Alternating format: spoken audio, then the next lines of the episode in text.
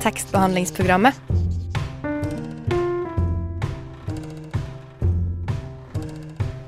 Tekstbehandling på radio.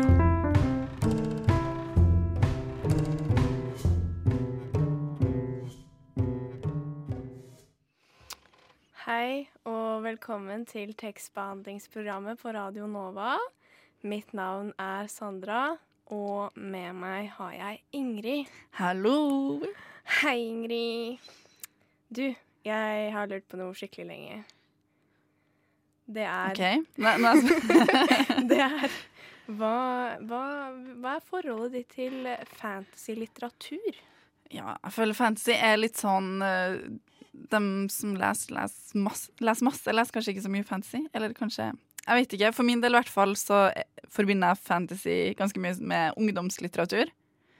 Sånn uh, da jeg begynte å lese på ekte, uh, sånn masse Da begynte jeg med å lese Harry Potter. Uh, og da jeg var sånn jeg vet ikke, jeg, sånn 14-ish år, så har jeg pløyd gjennom de derre Hunger Games-bøkene. Jeg har lest en del av dem Twilight også, så jeg har vært, sånn, vært innom de der mest kjente, de mest sånn populære fantasy-greiene. Men nå leser jeg ikke noe fantasy lenger, altså. Er, det, er det noen spesiell grunn til det? Rask oppklaring i hvorfor du sluttet å lese?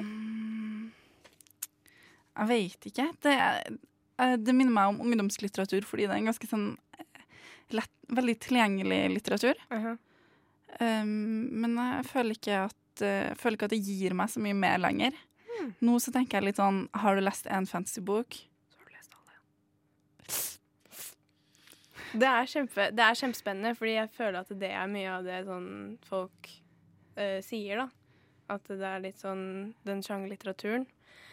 Uh, men jeg spør jo selvfølgelig fordi vi skal ha besøk av en fantasyforfatter. Og ikke bare fantasyforfatter, men selvpublisert fantasyforfatter. Det skal vi absolutt ha. Uh, navnet hennes er Linn Tesley, og eh, hun har skrevet første boken i bokserien sin Where Vikings Roam.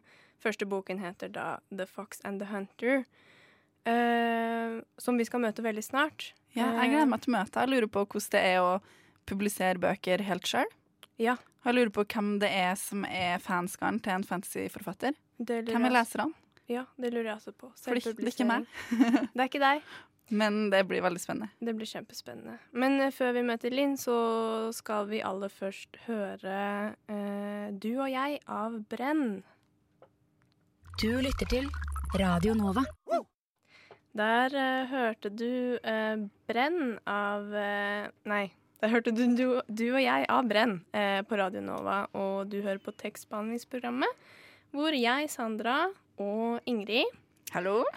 har fått besøk av fantasyforfatter Linn Tesli. Velkommen. Takk, takk. Hei, hei. Hei, hei. Um, nå er du her. Uh, vi snakket om det i stad i, eh, før du kom, at vi gledet oss skikkelig til å snakke om fantasy som litteratur, og at uh, vi har jo ikke hatt så mye av det, egentlig. Nei, men Jeg har veldig lite, så det er på tide med en Veldig. fantasyforfatter her i Ja, da er det på tide. Veldig på tide. Eh, du har jo skrevet eh, Boka vi har lest, er jo første boka i bokserien, bokserien Where Vikings Roam, eh, The Fox and the Hunter. Men du har jo skrevet masse annet. Men det er det vi fokuserer på i dag. Men aller først, for at uh, du lytter skal bli litt uh, ekstra godt kjent med den forfatteren vi har på besøk i dag, fantasyforfatter Linn, så skal vi ta en fem kjappe. Og det er en helt ny uh, type spalte som vi har her i tekstbehandlingsprogrammet. Mm. Derfor så har vi ennå ikke laget en jingle på den, men, Men den kommer. men den kommer. Mm. Så det, her kan man ta som en liten teaser på en Ja. spennende jingle. OK, vi setter i gang. Er du klar? Ja. ja. Hør på. Første spørsmål. Hva er det du leser akkurat nå? Oi, eh, det var ikke så veldig kjapt. Akkurat nå eh, så skulle jeg egentlig lest eh, manus for en venn av meg. Eh, men ja, jo, jeg leser noe som heter Prost Moon av Patrick Salstrøm. Salstrøm. Vil du anbefale den? Eh, ja, jeg tror det blir en omskriving uh, av den etter hvert. OK, hvilken font er det du skriver i? Palatino. Palatino? Hvordan, uh, hvordan ser den ut? Med eller uten seriffa? Den er med, vel? Nå ble jeg faktisk usikker. Hva er seriffer? Eh, men veldig behagelig. Seriffa er sånne små bøyer på bokstavene. Sånn for eksempel fonter som Calibri og Areal uten seriffa. Ah, Garamond og Times New Roman med Serifa. Mm. Okay. Du kan din font. Ja, jeg har begynt å synes jeg, støtter veldig å være opptatt av font. Barnebøker er gjerne uten. Ja, Ja. ikke sant? Aldri. Eh, da går vi videre til en neste spørsmål, som faktisk handler litt om barn og barnebøker. Hva var for favorittboka di som barn? Uh, Mio min Mio. Hvor er det du liker best å skrive? På kontoret. Hjemme. Hvis du ikke hadde vært forfatter, så hadde du uh, nei, eh, da hadde jeg kanskje vært uh, Ja, jeg er jo barnevernspedagog, da. Så Da hadde du jobba jobba med barn hvis ikke jeg hadde hatt uh, Ja. Mm. mm, Da ble vi litt bedre kjent med deg. Håper du også ble det, kjære lytter. Ja, at du har fått et bedre inntrykk av eh, Linn. Um, Men nå skal vi fortsette videre i programmet og stille litt mer spørsmål om den boka du har gitt ut snart. Men aller først så skal vi høre en låt. ja, det skal vi absolutt gjøre. Og det er jo en sang du har valgt, Linn. Ja. Eh, det er jo eh, 'Mitt lille hjerte' av eh, Sier man Ava Freddy, eller Ava? Ava Freddy, hun er norsk. Ava Freddy, ja. Ja. ja. for hun sang jo på norsk, eh, hørte jeg. Hvorfor har du valgt den sangen her? Fordi jeg syns den er veldig fin. Jeg kjenner artisten, og hun har slekt fra oppe i nord også. Så jeg syns det passa sånn sett greit. Ja, i forhold til boka. Ja, Ja. ikke sant. Skal vi bare la den rulle, eller? Hei, jeg heter Aune, og du må høre på tekstbehandlingsprogrammet. Fordi kunnskap og viten, det er det mest vidunderlige på denne jorden. Velkommen tilbake, kjære lyttere. Eh, der hørte dere akkurat eh, 'Mitt lille hjerte' av Ava Freddy. Du hører på tekstbehandlingsprogrammet på Radio Nova. Eh, mitt navn er Sandra, og med meg har jeg Ingrid. Og fantasyforfatter Linn Tesley. Uh, vi skal snakke litt om innholdet i boka. Uh, nå skal jeg oppsummere kjempe i grove trekk uh, hva boka handler om. Hvor hovedpersonen er eh, en samisk jente eh, som heter Elva. Som skal bli Hva kan man kalle det? Sjefssjaman. Um, Ja. Eller Noaide. som- ja, liksom Ja, hva var det du kalte det? Noaide. Noaide. Ja, det var det det sto. Uh, etter en rekke uheldige events. Eh, og hun blir dratt gjennom Norge, og vi er der eh, Det er middelalder, det er eh, Det er kaldt. Jernalder. Jernalder. Ja, det er vikingtid. Det er vikingtid. Ja, sorry. Wow. Jeg, tenkte, jeg tenker fancy, så tenker jeg middelalder med en gang. Men det er jo absolutt det. Det er jo lengre tilbake i tid. Eh, og det merker man jo, for det er jo veldig overlevelse oppe i kalde nord. Det er mye harde beslutninger som må tas, og det er veldig spennende eh, denne reisen som elva går igjennom, da. Og eh, for ikke å snakke om det, vi er jo midt i kristningen av Norge på Ja, eh, det er ca. år 998. Ja. Det er lenge siden, men det skjedde. Kjempespennende. Vi møter jo Olav Tryggvason, og vi er i eh, Vi er i Nidarosdomen, og vi er i Trondheim. Men nå har jeg pratet masse, og eh, jeg må bare spørre hvor du Om du kan fortelle oss litt om hvor du har hentet inspirasjonen til første boka? Eh, ja, det er ikke så lett å si, da. Uh, utgangspunktet var vel mest at jeg hadde lyst til å skrive noe fra Norge. Noe som var historisk. Jeg hadde lyst til å skrive om norsk natur. Uh, og så plassere det på en måte her hjemme. Og så hadde jeg selvfølgelig lyst til å blande det med fantasy. Og da endte jeg opp med å egentlig eh, Samene ble på en måte et helt naturlig valg, da. Det valgte seg selv, på et vis. er, hvorfor er samene et eh, naturlig valg når det kommer til fantasy? Eh, på grunn av historien og sjamanisme, for eksempel. Som jeg syns var veldig Det er veldig spennende med urbefolkninger og fantasy. Jeg syns de går godt sammen. Det er jo mye sånn mystiske aspekter ved sånn sjamanisme og, og, og ja, og som du sier, urbefolkning har jo alltid noe sånn der eh, Ja. Og så er det jo nordlyset, selvfølgelig. Ja. Men hvor mye hensyn til historie tar du når du skriver? Mye.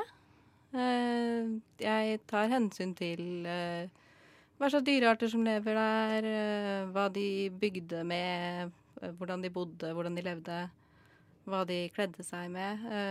Og så tar jeg noen friheter. Og hva er de frihetene? Det er jo ikke alt som kanskje stemmer på en prikk med hvordan Jeg vet ikke, geografien er akkurat, for det vet man egentlig ikke. Um, for det er såpass langt tilbake at vi har ikke nok kilder på det. Men man kan på en måte tenke seg til det, da. Og så har jeg jo også lagt til noen historiske personer som ikke egentlig eksisterer. Mm. Um, Så litt friheter og litt magi, det kan man jo anta ikke fins, om man vil. Mm. Jeg, jeg syns det var eh, Ja, jeg tenkte på det. Eh, midt i boka, så De skal jo egentlig til Nidaros. Og så er det noen som sier ah, det heter ikke Nidaros nå mer, det heter Trondheim. Ja.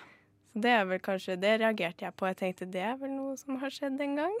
Ja, At Det var eh, under Olav sin uh, tid at han kalte det da Trondheim. mm. Er det historieinteresse som er motivasjonen din for å skrive de her bøkene? Absolutt ikke. jeg syns historien er spennende. Eh, Jeg syns det er et spennende landskap for å skrive fantasy. Mm. Eh, og så er det klart det er interessant med historien. Det er det. Jeg syns det er interessant med å blande det, det faktiske med det, det, Det magiske. fantastiske. Mm. Men en ting jeg beit meg merke i, er at eh, du skriver på engelsk, men Ja.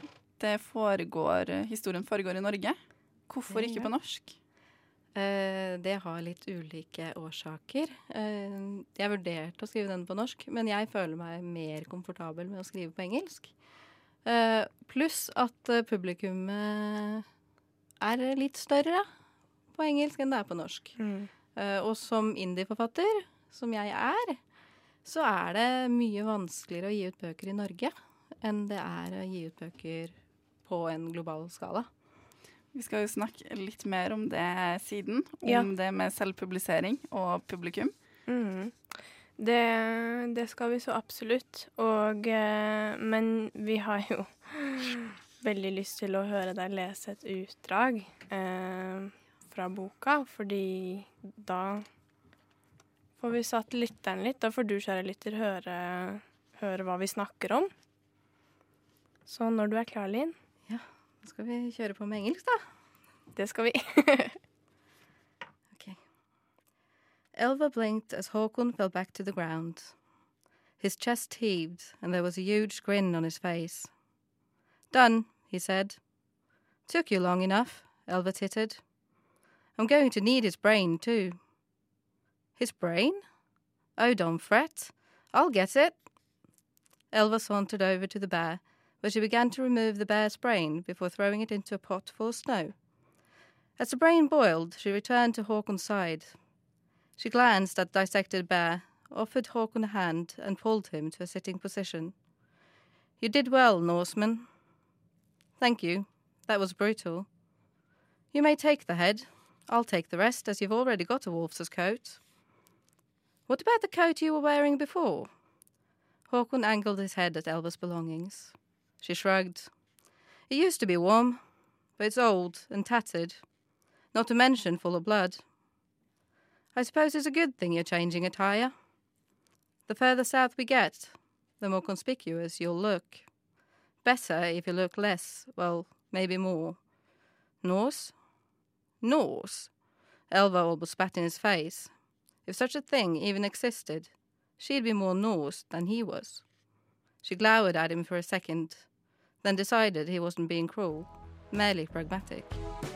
Der hørte vi uh, 'Listen to Girl' med sangen 'Birds'. Uh, mitt navn er Sandra, og med meg har jeg Ingrid. Og uh, vi har også fancy-forfatter Linn Tesli med oss. Jeg vil hoppe rett ut i fordommene folk har mot fantasy. For det er mange. Er jo, du og jeg, Ingrid, snakket jo om det eh, tidligere. At eh, Eh, ja, det er jo flere som Jeg leste veldig mye fantasy før, eksempel. Ja. Eh, og så har det blitt mye mindre nå. Ikke sant?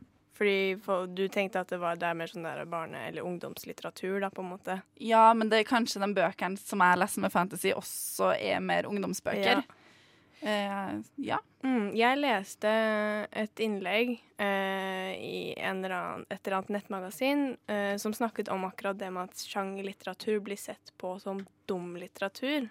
At det er mye sånn der, Det er mye klisjé, det er mye forutsigbarhet. eh, det er det onde mot det gode, og det er, det er kjedelig, liksom. Det er dårlig, da, sier folk. Hva, hva tenker du, eh, Linn? Jeg tenker at det er jo vel så mye forutsigbarhet i krim.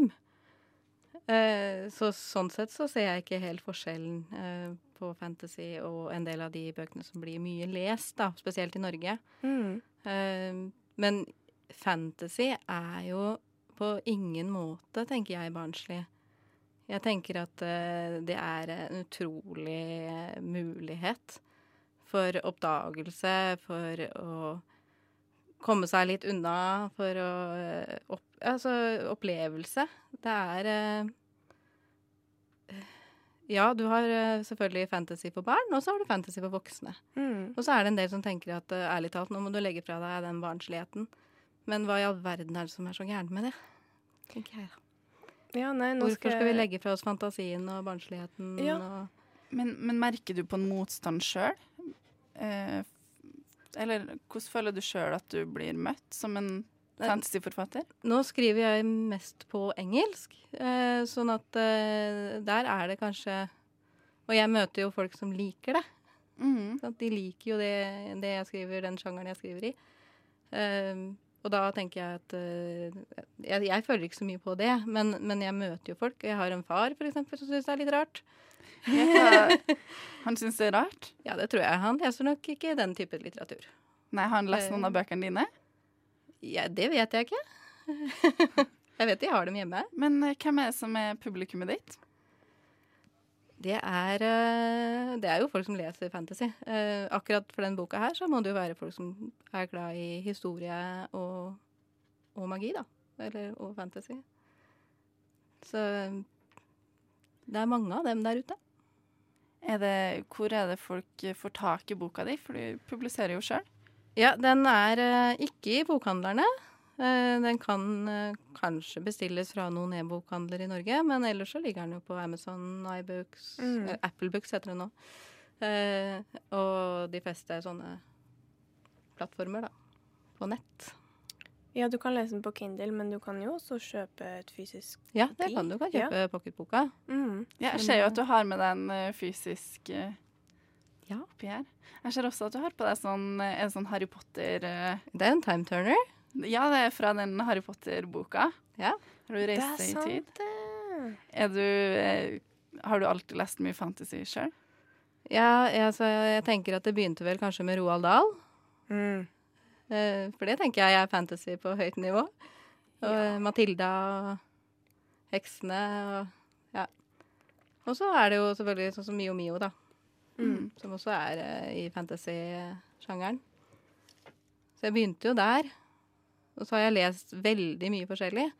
Men jeg faller liksom alltid tilbake igjen på uh, fantasyen. Er det et stort uh, sånn nettpublikum ute der? For For fantasy? Er det, foregår det mest på nett, siden det er over hele verden at du skriver på engelsk? Det og sånn? er det jo. Eh, og det er jo egne grupper der ute dedikert til det. Og det er eh, veldig mange som skriver i den sjangeren. Så det er helt klart et uh, publikum der. Ja, det må det jo være. Eh, Mm. Og det er mye om det på nett. Og du ser jo Hvem andre er det som har eh, folk som kler seg ut som karakterene dine? På det, er, det er jo innmari kult.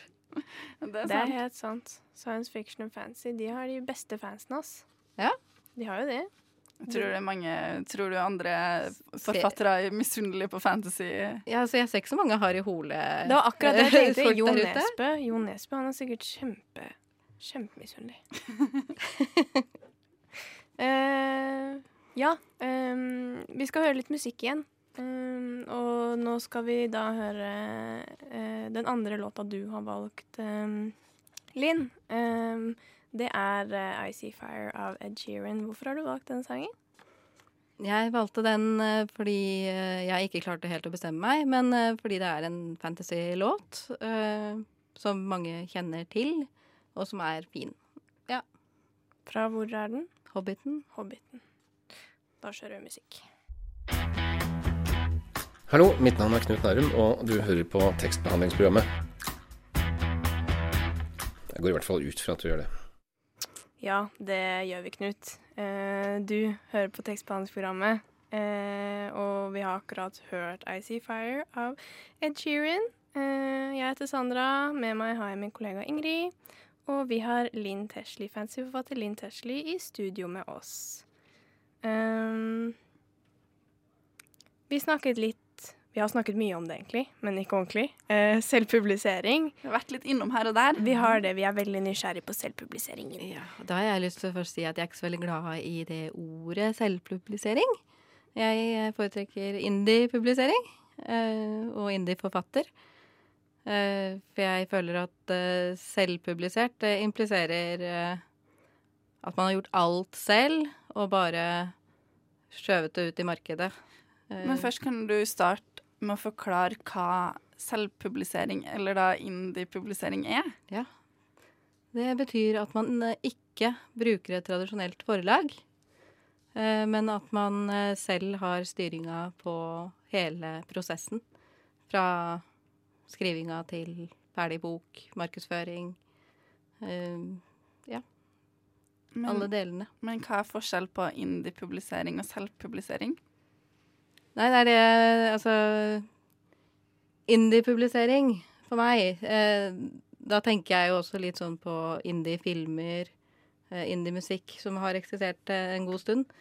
Eh, men det, det impliserer at man faktisk bruker de samme tjenestene som det forlagene gjør. Så man bruker en språkvasker, man bruker en designer. Eh, man gjør eh, hovedjobben selv, men man gjør ikke alt nødvendigvis helt på egen hånd. Eh, man gjør det på en profesjonell måte. Mm. Og der tenker jeg at det er eh, mange misforståelser ute og går. Ja, for jeg lurer på hvordan den prosessen er, da. Eh, å drive med indie-publisering. Hvordan går man fram? Det, det er en uh, bratt læringskurve hvis man ikke har uh, holdt på med noe særlig av det før. Uh, men alt kan læres. Og alle tjenestene fins der ute. Mm. Sånn at det er jo egentlig bare å lete, så finner man.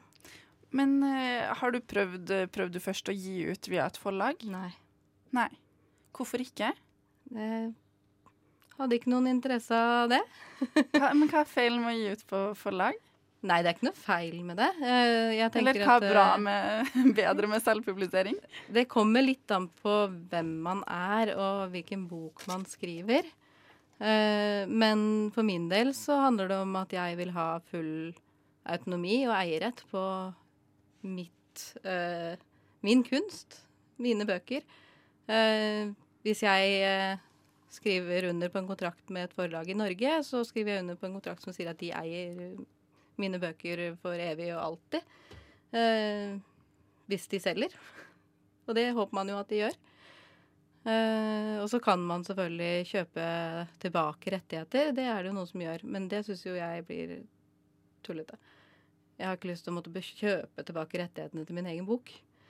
Eh, og så er det klart at forlagene kan hjelpe deg med eh, ja, språkvasken, med en redaktør, med omslag, med alle de tingene som kan virke vanskelige. Eh, eller man kan kjøpe de tjenestene selv. Hvordan er det du gjør det? Eh, ja, nå designer jeg selv, så jeg lager mine egne omslag eh, og min egen layout. Men jeg bruker også betalesere. Sånn at jeg har en innmari fin gjeng som leser det jeg skriver. Og gir meg tilbakemeldinger. Eh, og så går jeg gjennom manus på nytt. Og så innfører jeg de tilbakemeldingene jeg tenker er mest nyttige. Kanskje jeg har fått flere av. Og så sender jeg det kanskje på nytt til noen til å lese. Eh, og så får jeg noen profesjonelle til å komme inn og gå jeg over manuset. Kanskje et par ganger. Hvordan finner du sånn betalesere? Er det sånn man utlyser på nett, eller er det Hvem ja, er nettverksbygging. Ja. Eh, litt over tid. Eh, finner dem kanskje i noen relevante grupper på Facebook mm. eller andre steder på nett. Hva slags bakgrunn, hva, er det som, eh, hva trengs for å kvalifiseres som en god beta-leser? Eh, jeg tenker at ikke bruk venner og familie, først og fremst. Hvis venner og familie er dyktige bokfolk, altså de har litt erfaring, så kan du selvfølgelig gjøre det. Eller de har god erfaring med sjangeren du skriver i. Mm. Eh, men utover det så vil jeg anbefale at du bruker noen som kjenner sjangeren godt. eh, og som eh, er litt sånn overmåte interessert i, i tekst. Ja, Så de trenger ikke ha noe formell utdannelse Nei, innenfor tekst? Det trenger man ikke. Men jeg tenker at det er greit at de kan litt om sjangeren. Sånn at når jeg f.eks. skrev den boka nå, 'The Fox and the Hunter', så har jeg eh, flere i beta-gruppa mi som er eh, fra Nord-Norge. Mm. Noen samer. Sånn at de har jo vært kjempenyttige for meg når jeg har lurt på hva i all verden er det som vokser der oppe. Ja. Altså ja, ja. Fauna og dyr og sånn. Hva spiser dere hvis dere ikke har moderne teknologi osv.? Hva, hva er det som fins ute på vidda der? Ja. Sånne ting kan man bruke betalesere til. Så da må man finne noen som passer for det man skriver, da. Mm. Så det blir en slags sånn research-hjelp også, da, på en måte? Ja. Det gjør det også. Så jeg anbefaler det å bruke betaleser, selv om man skal sende inn til forlag. Ja, jeg syns det høres ut som en god idé. Men jeg har aldri selv publisert eller gitt ut noe på forlag, men jeg bare Det høres smart ut. Eh, vi skal snakke mer om indie slash selvpublisering, eh, men først så skal vi høre litt musikk, så her får du da um, Death Crush Death med Crush med Ego. Ego. Hei og velkommen tilbake. Eh, du hører fortsatt på tekstbehandlingsprogrammet. Eh, hørte akkurat Death Crush med Ego. Og eh, vi, jeg og Ingrid sitter her. Jeg, Sandra, og Ingrid sitter her. Og eh, vi snakker med fancy forfatter Linn Tesli om eh, det vi har funnet ut heter indie-publisering, og ikke selvpublisering. Um, og vi skal fortsette litt på den uh, føljetongen der, da. Um, Ingrid, hva tenker du? Eh, jo, eh, jeg lurer videre på hva er egentlig fordelene og ulempene, tenker du, ved å være alene i denne prosessen med å gi ut bok? Uh, nei, altså en av fordelene er jo helt klart at jeg får bestemme selv. uh, en annen fordel er at uh, all fortjeneste går i min egen lomme. Det er av penger å hente. Ja, det er det. Men det er klart at det er forskjell på å gi ut bøker i Norge og gi ut bøker internasjonalt. Mm. Det er vanskelig å gi ut bøker eh, som indie-forfatter i Norge på norsk. Men det fins de som gjør det knallbra. Er det et lite marked for det, eller hva tror du er grunnen til det? Det kommer veldig an på boka eh, og hvor gode de er til å markedsføre seg selv. Eh, noen er superflinke til å dra rundt og besøke bokhandlere og ta personlig kontakt. Eh, og de får gjerne gode resultater. Eh, noen bruker de kurs, f.eks., for eksempel, eh, fordi de skriver om et fag de kan mye om. Altså, så de selger kanskje gjennom forelesninger og på kursinger og sånne ting. Men hva er ulempene av å gi ut en bok? sjøl? det, det, er, mye jobb, da. Det, er, det krever veldig mye tid. Eh, noe jeg tenker at eh, forfatterskap gjør uansett. Men det krever jo selvfølgelig at man er på ballen hele tida. Man må følge opp. Uh, heldigvis så finnes en del automatiseringer man kan gjøre. Uh, men, men man må jo slåss litt eh, I hvert fall her i Norge så må man jo slåss litt. Grann, fordi det er jo de store forlagene som eh, syns. Ja, for jeg begynte å lure på hvordan markedsfører du egentlig for bøkene dine når du ikke har et forlag i ryggen? Eh, barnebøkene mine, de norske, eh, de markedsfører jeg stort sett eh, via Facebook. Eh, også, også gjennom da eh, Ja, litt andre kanaler, men ikke så mye. Eh, og det går helt fint. Mm. De selger ganske bra også i Norge. Mens de andre markedsfører jeg jo på Amazon eller Facebook, da. Men hvordan er det Hvordan kan man være sikra kvalitet når man ikke har en eh, forlag eller et redak en redaktør i ryggen? Kan du være sikra kvalitet selv om du har et forlag? Jeg er ikke helt sikker på nødvendigvis at du kan være det. Eh, Det er mye som, rart som gis ut, både her og der. Eh, På begge fronter, for all del. Men du kan bruke de samme tjenestene. De er tilgjengelige. Akkurat de samme språkvaskerne, akkurat de samme redaktørene kan du faktisk finne som indieforfatter. indie-forfatter. Kommer vel- Dyktige folk. Ja, det kommer vel kanskje an på liksom hvor mye jobb du er villig til å gjøre selv. Da. Om du er trygg nok på å skulle gi ut noe du står helt alene med alt. Uh, Altså, jeg vil jo ikke anbefale at du bare dytter ut boka først som sist. Du bør jo gjøre en skikkelig jobb med den først. mm. Men jo mer Men du disse, gjør det, jo lettere blir det jo også. Ja, alle disse tjenester du snakker om, må man jo liksom oppsøke på egen hånd. Du må vite hvor du skal gå disse tingene, da. Ja, nå jeg. er det jo sånn at alt er sentrert i én tjeneste, uten at jeg skal drive og markedsføre for Boldbooks akkurat her, men det kunne jeg gjort. Hva kalte du det? Boldbooks. Boldbooks. Ja. Ja. Kjærlighet. Der eh, har de nå sentrert alt på ett sted Mhm. eh, når det gjelder norske utgivelser. Ja, men du, du sa noe om at man ikke kan eh, være sikker på kvaliteten i forlag heller. Hva syns du om kvaliteten eh, norske forlag gir oss med? Er du Ja, nei, altså det er jo noen bøker som selvfølgelig får veldig mye plass. Eh, noen bøker som frontes. Du ser jo de samme bøkene om igjen og om igjen og om igjen. Eh, og så spørs det da hvor mye de andre bøkene som gis ut, faktisk eh, Hvor mye tid de har til dem. Fordi at når du ser på markedsføring, så er det jo bare noen få titler som markedsføres hardt. Og så har gitt ut er det, rundt 400 titler i Norge i året, eller noe sånt nå? Om ikke sånn fra forlagene. Jeg mener det er det. Jeg har ikke noe tall på det, men det er vanskelig å få noe eh, bli skrevet om. I hvert fall få noen anmeldelser og sånn. Veldig vanskelig Det er kjempevanskelig. Det er det jo uansett. Eh, men det er jo mindre av det. Mindre og mindre. Så det er stort sett de samme navnene man ser. Eh, og det handler jo om å selge, selvfølgelig. Mm. Du, du snakket mye om å liksom være alene i den prosessen, og at da, da får man full autonomi, og man kan bestemme alt selv og sånn. Ser du for deg at det er mye sånn krangling i forlag med, med redaktør og sånn? Sånn der 'nei, ikke skriv det', og Ja, jeg, jeg eh, har jo hørt litt misnøye, og noen er, noen er fornøyde også.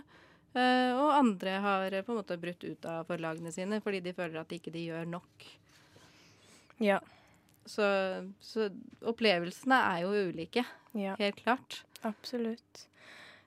Det, altså, man kunne ha snakket om det her i evig tid med, med forlag versus eh, indie-publisering og sånn, men vi har veldig lyst til å høre en appell fra til, deg.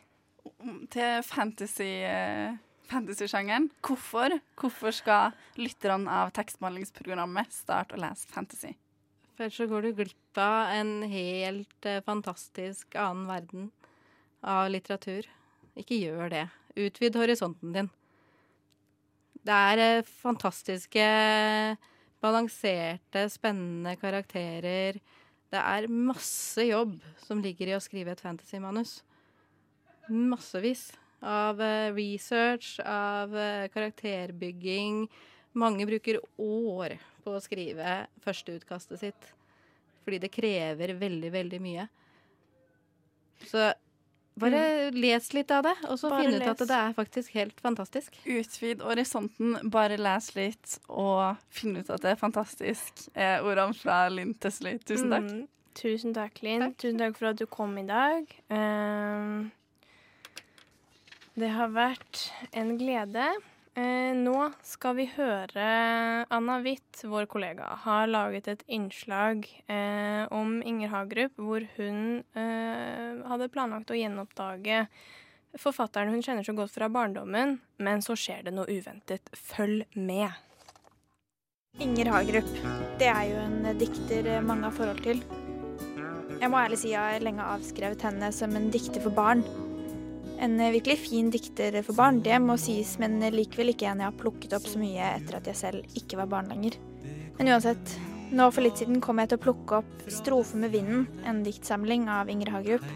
Og plutselig dukket diktet 'Første varsel' opp, og det var nesten litt skummelt hvor fint det var. Skal vi se her. Skal vi se om jeg finner riktig side. Og inntil dette punktet, som dere hører, trodde jeg fortsatt at dette bare skulle være meg som gjenoppdager Inger Hagerup litt, kanskje leser et dikt eller to, og avslutter med å konkludere med at hun er så mye mer enn en barnedikter. Men så skjedde det plutselig noe som skulle snu helt opp ned på planene mine. For der, på nettopp den siden jeg bladde meg frem til, satt hun. Inger Hagerup. Nei, Inger ha, Hallo, er du her? Ja, det er rart. Ja, ja du syns også det er litt rart, eller? Men du har nå engang kommet deg hit, da. Til akkurat den siden jeg hadde tenkt å lese opp. Og, og så liten du er. Ja, vet du hva det kommer Jeg tror nesten at noen som har vanskelig for å bli voksen, jeg kan ikke bli ordentlig voksen. Å ja. Ja, jeg tenkte jo egentlig bare på størrelsen din, da, men eh, men, eh, men nå som jeg har deg her på denne siden, du, du vil ikke lese opp eh, det selv, da? Diktet ditt? Jo, første varsel. Underlig at jeg er jeg. Men det er jeg jo. Og her går jeg på en vei i to løpersko. Mine sko og mine ben. Mine, mine tær. Det er rart å være én og å være her. Jeg er liksom innerst i ingenting og alt. Det er som å stupe i noe svart og kaldt. Eller er jeg ikke jeg? Hvem er det som går på en sølet skolevei er åtte år? Var du mye i dine egne tanker som barn? Ja, da trodde jeg faktisk at jeg hadde en oppskri oppskrift på å bli gal. Hvis jeg gikk langt nok inn i dette jeg. Ja, der sa du noe. Du skulle vært i 2019, du. Man må vel få et lite puff i en eller annen retning. Jeg var jo for eksempel, Da jeg var ganske ung, så var jeg veldig ulykkelig forelsket. Det er ikke alltid jeg skjønner helt om Inger er på samme bølgelengde som meg. Men eh, hun er overraskende pratsom, og har mye å fortelle. Det er så lenge siden at jeg har nesten glemt det hele. Men du, eh, jeg må egentlig lukke boka og komme meg hjemover til middag nå, jeg. Eh, det, var, det var virkelig hyggelig at du dukket opp, selv om det ikke var helt planlagt. Men det er fryktelig farlig. Jeg husker en gang jeg satt og skrev et dikt her borte i sofaen. Når jeg har lagt ned boken på bordet, kjenner jeg meg plutselig helt fjern. Hvordan kan jeg tro på at eh, det sitter en liten Inger Hagerup inne i eh, sin egen diktsamling? Så før jeg tør å legge den fra meg for å stikke hjem og spise middag, så må jeg bare sjekke en siste gang. Stikke fingrene forsiktig inn i siden med eseløret og bare titte inn. Jeg vet akkurat hvor jeg sitter når jeg skriver og sånn og sånn. Ja. Så, Ja, der er hun.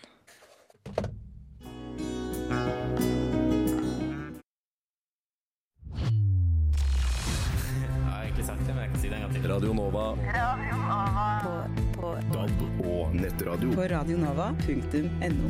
Jeg har egentlig sagt det, men jeg kan si det en gang til. Radio Nova.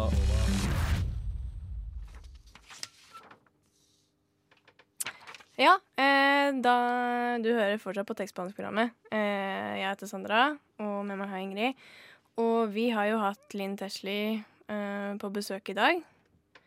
Det har vi. Vår første fantasyforfatter her på eh, Radio Nova sitt tekstbehandlingsprogram. Er det det? Nei, det er det sikkert ikke. Nei. Første på lenge. Første, Første på, på første på to år, tror jeg. I hvert fall første siden jeg begynte her. Så Ja, det var kanskje en liten løgn der. Men kanskje det er første fantasyforfatter vår kjære lytter har hørt på Ja. tekstbehandlingsprogrammet. Hvis du ikke har hørt i et par år, hvis du er der ute, så blir jeg varm om hjertet. Men jeg syns det her var veldig gøy. Jeg syns det var spennende Jeg synes det er spennende om med selvpublisering, eller indie, indie-publisering. lært. Indie-publisering Jeg ante ikke. Altså, jeg hører selvpublisering. Jeg tenkte at det var det det het. Mm. Uh, men jeg også Det er jo mye fordommer til det, liksom. Så jeg skjønner jo at uh, man kanskje har bevegd seg litt bort fra selvpublisering, og at det heter da indie som i independent. Publisering. Så, men jeg, synes, jeg er veldig positivt overrasket. Jeg vil jo ikke avsløre meg selv, men jeg er jo veldig uh, pro fantasy, da. Jeg er jo sånn som griner når jeg hører uh, musikk fra yndlingsspillene mine, og er veldig sånn Ja, jeg er glad i det, da.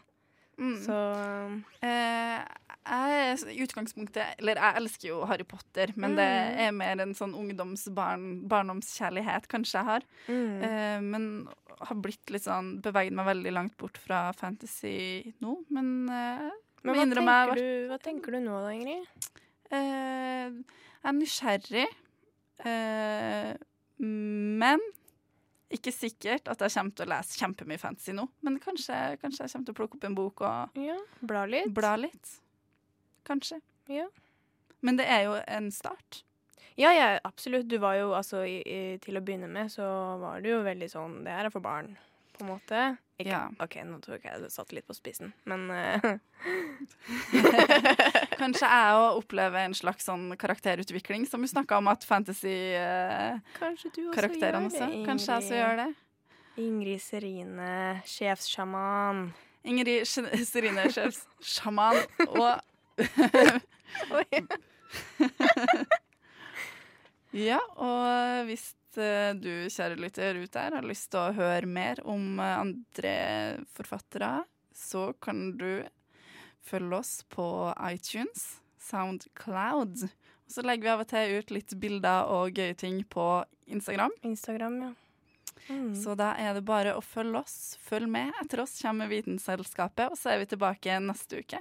Det er vi. Da kommer Bård Torgersen på besøk. I studio i dag var meg, Sandra, eh, min kollega Ingrid og vår tekniker Joakim. Og dagens gjest var eh, Linn Tesli. Takk for oss. Tusen takk for oss.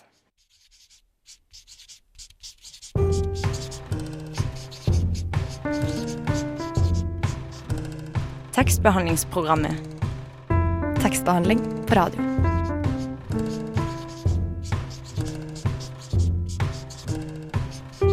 Tekstbehandlingsprogrammet.